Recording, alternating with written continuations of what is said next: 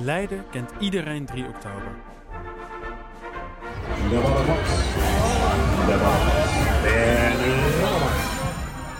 Van de kermis, de optocht en de koraal. En het eeuwenoude verhaal. natuurlijk te maken met het uh, Leidens ontzet dat we de, dat we de Spanjaarden eruit uh, gekikt hebben, de 1574. Het verhaal over hoe Leiden gered werd door twee duiven, een verliefde generaal en een onzagwekkende storm. Toen kwam de, de, eigenlijk ja, de geuze, ook wel bekend als de Dutch Mujahideen. Het verhaal dat ook vol zit met mythes en legendes. Cornelis Joppes vond de hutspot en die zag dat de Spanjaarden weg waren. En toen was Leiden bevrijd. Maar toch kent niet iedereen dat verhaal. Maar uh, 3 oktober, uh, wat weet jij nou allemaal van de geschiedenis ervan? 1574. Meer niet? Spanjaarden. Ook burgemeester Lenverink kent de verhalen van 3 oktober. Tijdens het feest vieren we eigenlijk met elkaar ook het Leidenaarschap. En daarmee brengt het de bevolking heel erg dicht bij elkaar. Het is een bindend feest waar het niet uitmaakt of je nou heel rijk bent of heel arm. Of je nou heel slim bent of iets minder slim. Iedereen doet mee. En dat is gaaf. Dat uh, is iets waar veel steden jaloers op zijn. Niet iedereen kent ze, maar dat is alleen maar een uitdaging om er ieder jaar weer mee door te gaan om die verhalen te vertellen. En dat is wat we gaan doen de komende drie afleveringen. Ik neem je mee door Leiden langs de plekken waar het gebeurde. De mensen die er het meeste van afweten en de mensen die er het liefste over vertellen. Welkom bij de Hut Podcast. Ik uh, sta nog heel even te wachten op Maria voor de burcht. Mijn uh, metgezel voor vandaag. Maar meestal is ze wel op tijd, dus uh, komt er zo vast aan.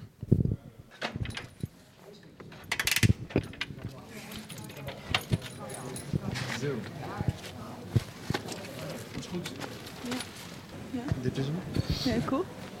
Sorry, cool. Uh, ja, weet jij uh, een beetje wat we gaan doen uh, vandaag, Maria?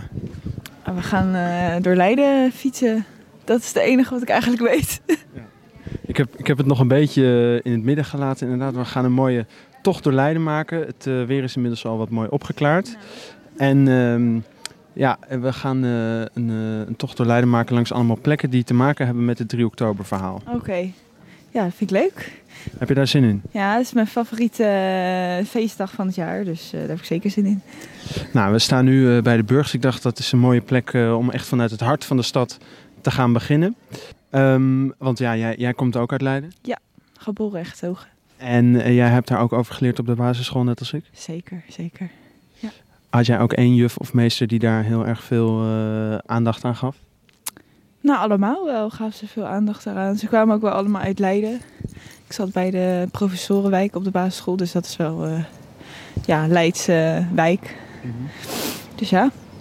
Ja, ik had, uh, ik had ook één zo'n uh, meester en dat was meester Robert. Geboren getogen, ja. Ik kom zelf uit het, uit het Maredorp. En dan ben ik ook nog langs geweest hiervoor. En die uh, is ook een echte lijnenaar. Ik begin over Leiden en ik ga, en ik ga door. Het is, uh, ja. Je hoort Robert Hoogduin, mijn oude meester uit groep 6 op basisschool de Tweemaster. Je was een uh, ja, modelleerling wil ik nou niet zeggen. Maar je was wel een leerling waarvan ik dan zeg van... dan moet je geen klas van vol hebben, want dan ga je als leerkracht vervelen. Je deed gewoon keurig niks wat gedaan moest worden. Je was er altijd lekker bij, enthousiast. Kijk, wat je natuurlijk nu uh, wel merkt, tenminste dat merk ik als ras echte Leidenaar. De, de, de volksbuurten waren heel hecht. Dus je krijgt een beetje het, het, dorpsgevoel. Dus heel veel dingen werden ook doorverteld en eigenlijk doorgegeven. En natuurlijk, zo'n stad verandert op een gegeven moment qua samenstelling en zo. En dan zie je wel dat de, de highlights van de verhalen blijven. Maar dat de verhalen niet automatisch meer zo doorgegeven worden. Dus op dat punt vind ik wel dat scholen daar een heel mooi, uh, mooie taak in hebben. Om te zorgen dat die geschiedenis wel uh, ja, blijft, blijft leven eigenlijk. Weet je, meenemen in je verhalen is ook je, je expressie, je manier van vertellen.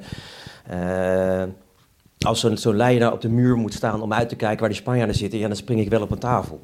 En dan ga ik wel over die muur staan uitkijken. Weet je, als je een, een, een Spaanse soldaat op de vlucht Ja, daar maak ik een soort mislukte Jack Sparrow van. Maar die gaat dan als een idioot door de klas heen rennen. Van, woe, woe, weet je, dat, dat, dat is het toneelspel wat je speelt. Het verhaal begint natuurlijk eigenlijk allemaal bij koning Philips II Aha. van, eh, van Spanje. Ja, Ehm, En we gaan gelijk door eigenlijk naar de eerste plek. En dan moet ik natuurlijk nog even iemand gaan introduceren eerst. Je hoort zo meteen Jori Zelmans, conservator geschiedenis bij Museum de Lakenhal. En zij zal gedurende de hele aflevering af en toe even inschakelen om wat dingen toe te lichten. Het was een streng katholiek en hij wilde dus eh, ja, de kerk beschermen, de moederkerk, hè, de oorsprong van de kerk. En eh, hij was dus eh, tegen al die ja, reformateurs, hè, Calvijn, Luther, die toch eh, eh, protest, eh, als de protestanten, dus protest tegen die moederkerk hadden. Dus hij heeft wel het idee, eh, dat moet ik tegengaan en daarvoor moet hij oorlog voeren. En dan staan wij nu bij de Pieterskerk. Ja. En dat is eigenlijk de plek waar het allemaal een beetje mee begon. Want ik vertelde net, Philips II die is dus de koning geworden. En die maakt iedereen heel erg ontevreden. Ehm, en daarom eh, vond ik het, bedacht ik vanochtend eigenlijk ineens. Want jij heet Maria, dat is een katholieke naam natuurlijk. Zeker, zeker. En ik heet van achteren Chaudron. Nou, dat is weliswaar pas 100 jaar later gebeurd, maar dat was een deel van de Hugenoten. Dus dat is een hele protestantse naam. Dus als wij hier 450 jaar geleden hadden gestaan, dan waren we geen vrienden geweest. Nee, nee, ik ben zelf ook katholiek, dus we waren zeker geen vrienden dan. Hij voert een heel centralistisch beleid. Hij wil alles vanuit Madrid doen, zoals we nu bijvoorbeeld vanuit Brussel alles de, eh, de, eh, de Europese Unie willen besturen. Dus daar komt heel veel protest vanuit die, eh, al die landen die daaronder vallen, onder dat Spaanse Rijk. En ook de edelen, die, dus, die, die zeggen, ja, jullie, hè, mijn privileges worden afgenomen. Ik heb hier deze grondgebieden prima bestuurd en nou moet opeens alles via Madrid lopen. Eh, wel een kleine waarschuwing dan alvast, want de katholieken gaan er niet heel goed van afkomen in dit verhaal. Nee, dat, eh, ik heb het verhaal meerdere keren gehoord en eh, wij zijn niet de leukste, inderdaad. Nee. Want in 1566 ontbreekt hier dan, na al die onvrede die langzaam is opgeborreld, de beeldenstorm uit. Die begint in de zuidelijke Nederlanden en die trekt dan steeds meer hier naar de noordelijke Nederlanden op. En die komt ook in Leiden en die begint hier in de Pieterskerk. Ehm, in 66 duurde dat ongeveer twee dagen. Dan is het tijd voor de tweede introductie. Over dat verhaal heb ik namelijk gesproken met iemand anders van de Lakenhal, conservator oude kunst Janneke van Asperen. Begon op een zondag, eh, 25 augustus. Ehm, en toen was het eigenlijk nog vrij klein op die eerste dag. Dus toen, tenminste in de Pieterskerk is daar een verslag van de koster bewaard gebleven. Dat daar, ik geloof, twee mensen die kerk binnenkwamen en eh, beelden begonnen kapot te slaan. Ja, dus wat er dus is gebeurd is eh, het stadsbestuur, die zat hier heel erg in de buurt te vergaderen. Wij staan op het Pieterskerkplein nu. En eh, voor een grote rode deur. En daar recht tegenover, in een deur met het eh, boogje erop, Ja. een donkere deur, daar zaten ze te vergaderen. Ah, dat was heel dichtbij. Dus die hebben een sprintje hier naartoe kunnen trekken. En ervoor kunnen zorgen dat het laatste oordeel van Lucas van Leiden, heel bekend schilderij dat nu in de Lakenhal hangt ook, gered heeft kunnen worden. Oh, wat fijn. Eh, dus die koster kon eigenlijk direct dat stadsbestuur waarschuwen. En die gingen meteen polshoogte nemen en hebben die eh beeldenstormers eruit gezet. Maar dat waren er toen nog maar enkele. En dat laatste oordeel stond inderdaad op dat moment eh, in die kerk. Maar we weten niet precies op welke manier het het stadsbestuur is gelukt om dat werk te redden. Er is wel één hele leuke bron die zegt dat, ehm, het, dat een van de burgemeesters uit het bestuur ehm, het werk gekocht heeft van de beeldenstormers.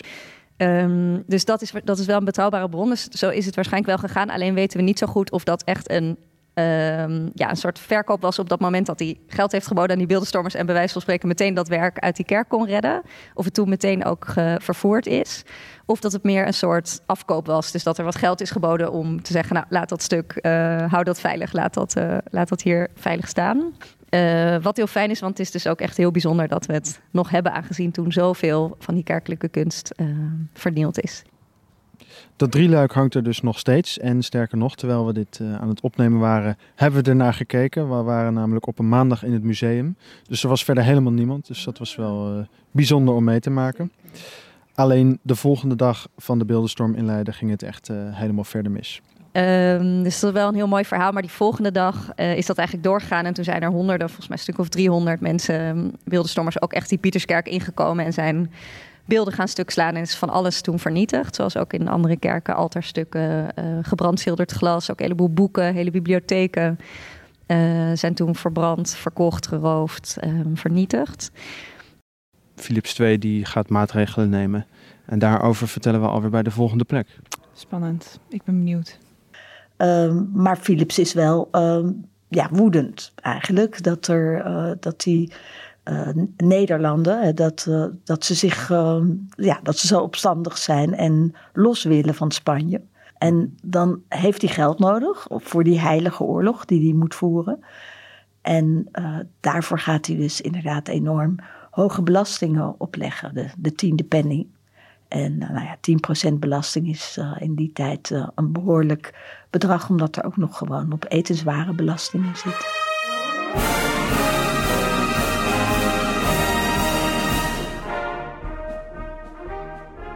Ja, we staan dus nu bij de Oude Vest en de Marepoort. Um, en in de tijd dat dit zich allemaal afspeelde, dan was dit de buitenste gracht van de stad. Oké. Okay. En uh, dus niet de singles. Dus hier stond ook een van de poorten. En dat was uh, in dit geval dan dus de Marepoort.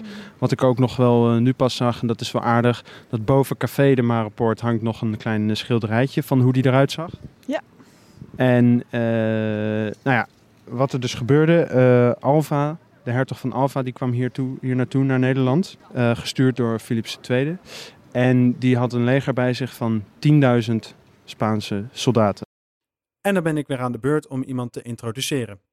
Dit is Raymond Vagel, universitair docent aan de Universiteit Leiden en ook nog eens gespecialiseerd in de Spaanse kant van de 80-jarige oorlog.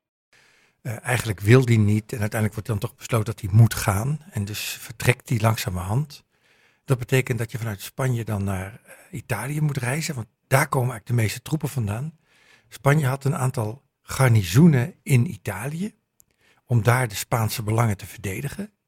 En daar worden eigenlijk vooral de soldaten uh, verzameld, die dan vervolgens, ja, te paard, maar meestal te voet, vanuit Noord-Italië, vanuit Lombardije, waar ze verzamelen, naar de Nederlanden moeten lopen. Het lijkt even rustig te zijn en Willem van Oranje geeft juist ruimte aan de protestanten en zegt nou richt, jullie eigen kerk maar op. En, uh, maar uiteindelijk weet hij van nou Alfa is onderweg en vlucht Willem van Oranje net zoals heel veel anderen uh, naar het buitenland. Dus uh, van Oranje gaat naar Dillenburg in Duitsland. nog voordat Alfa is gearriveerd in Brussel. En die moesten orde op zaken gaan stellen. Die gingen de beeldenstormers en de opstandelingen kop indrukken. Mm -hmm. Um, en zij legde daarvoor de Raad van Beroerte legde die op. Die grijpt ook flink in, ook hier in, de, in Leiden. Daar gaan er ook uh, ja, zo'n honderd uh, mensen worden veroordeeld. Een merendeel is dan wel al gevlucht, maar er zijn ook echt mensen die als voorbeeld worden gestraft in het publiekelijk. Ja. Hij was gewoon een, een hard optredende gouverneur maar ik vraag me af of mensen in andere gebieden minder streng waren. Maar hij maakte wel een beetje gebruik van zijn strenge imago.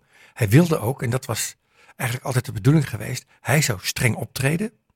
Dan zou Philips II komen en vervolgens zijn volk vergeven. Dus er was vanaf begin af aan, voordat hij vertrok, eigenlijk een soort bad cop, good cop scenario bedacht. Alva treedt hard op. Dat was zijn rol. En vervolgens komt Philips en die zegt: ik ben jullie koning en uh, jullie vorst en ik vergeef jullie. Dat was het plan. Alleen Philips kwam niet en Alfa moest jarenlang blijven besturen. Dus het probleem was dat de bad cop dus eigenlijk jarenlang is blijven hangen. Dat werkt niet. En dat wist hij zelf ook. Dat schrijft hij ook in zijn brieven. Het was nooit de bedoeling dat ik zeg maar hier zou moeten gaan besturen.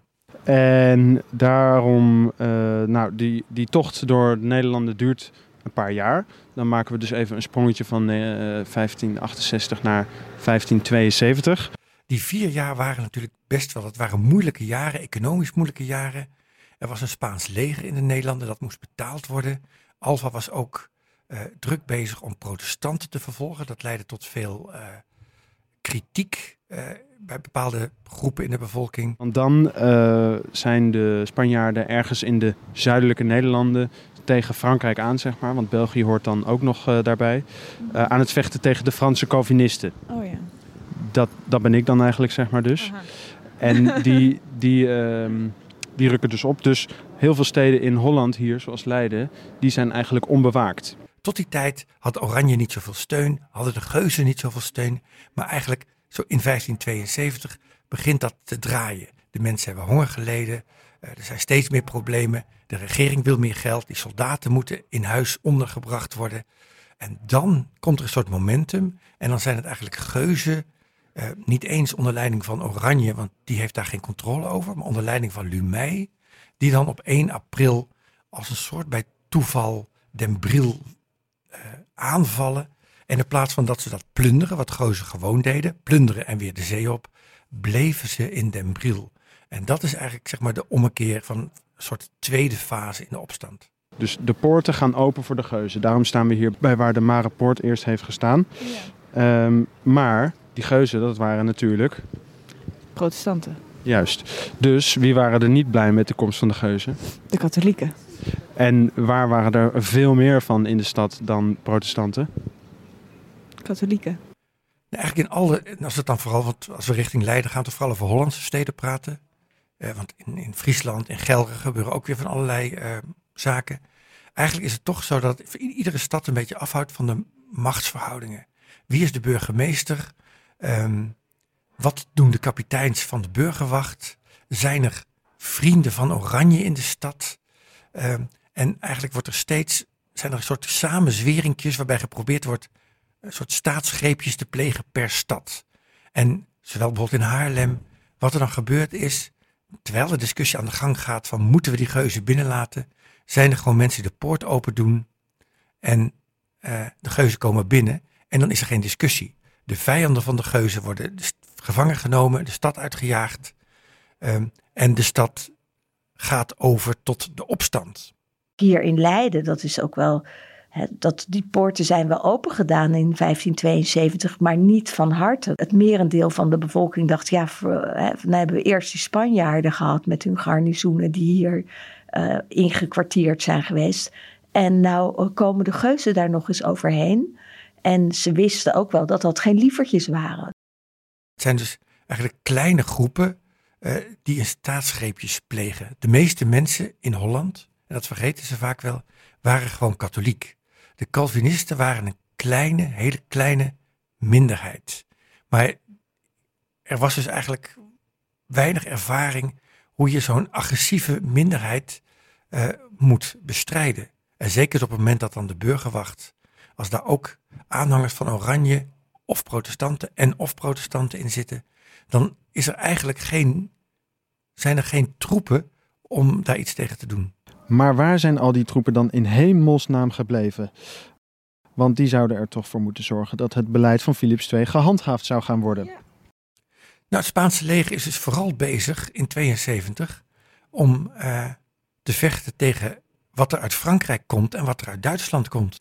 Dus die hebben, die hebben Holland eigenlijk laten liggen.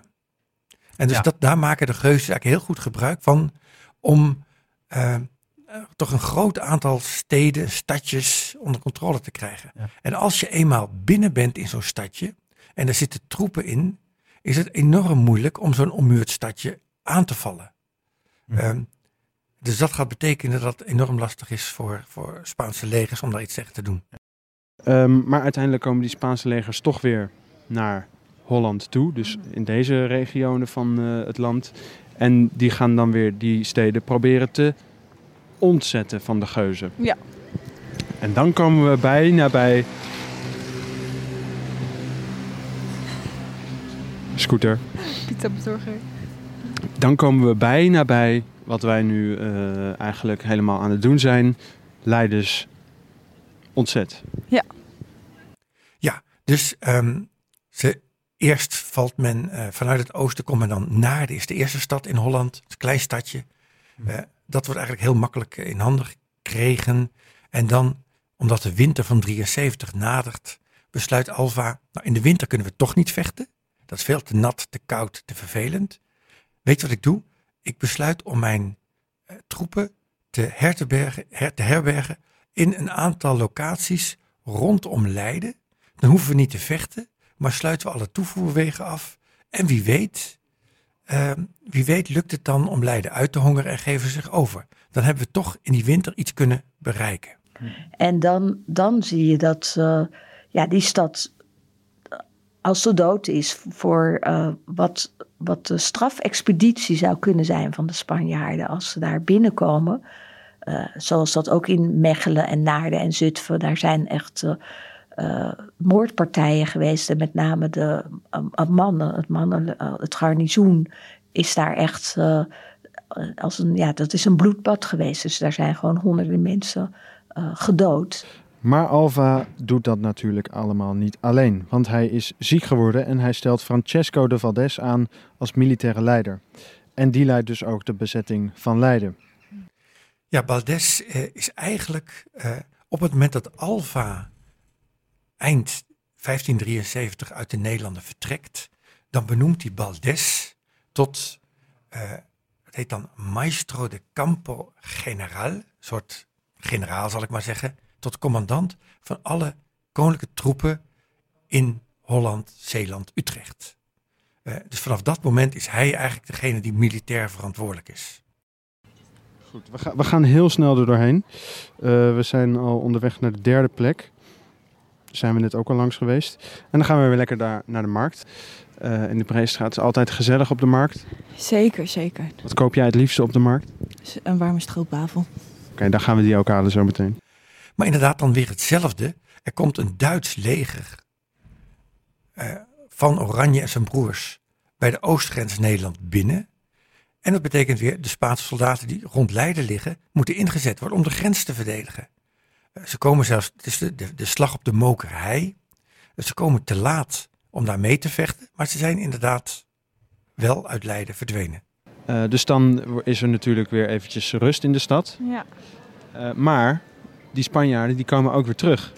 En die tweede keer, daar was het stadsbestuur niet zo goed op voorbereid. Er is dus tussen dat eerste en tweede ontzet uh, te weinig voedsel uh, verzameld. Dus achteraf zou je denken dat hadden ze beter moeten doen. Maar ja, je moet je ook voorstellen, de, dat eerste ontzet heeft ook al heel veel armoede en ellende veroorzaakt. Dus zoveel voedsel was er ook niet voorradig. En je ziet dan um, dat uh, ze hadden, de Leidenaren hadden eigenlijk hun garnizoen weggestuurd, want dat was veel te lastig en die dronken te veel en, en deden allerlei dingen die ze niet zo aardig vonden. Um, ze hadden ook eigenlijk hun restvoorraad brood, graan verkocht, omdat de prijzen hoog lagen op dat moment. En dachten, als later kopen we wel goedkope graan in als de nieuwe oogst binnenkomt. Um, en ze hadden zelfs de fortificaties, de schansen, zoals dat in de Leidsgeschiedenis heet, van de Spanjaarden laten staan. En toen was er dus wel weer een even net wat groter probleem dan de vorige keer. Ja, suffert.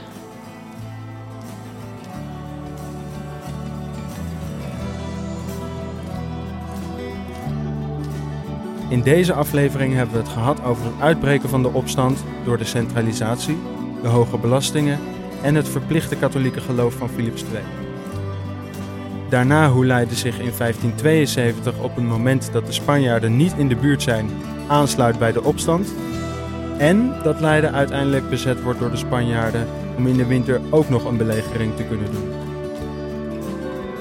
En hoe dat afloopt hoor je in aflevering 2 van de Huts podcast. In de volgende aflevering bespreken we de tweede bezetting en hoe Leiden bevrijd gaat worden.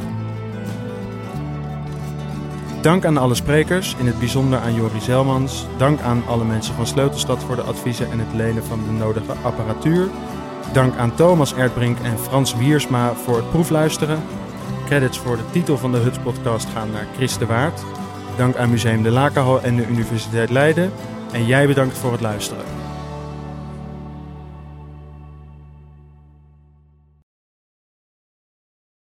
Deze publicatie is tot stand gekomen met steun van het Leids Mediafonds.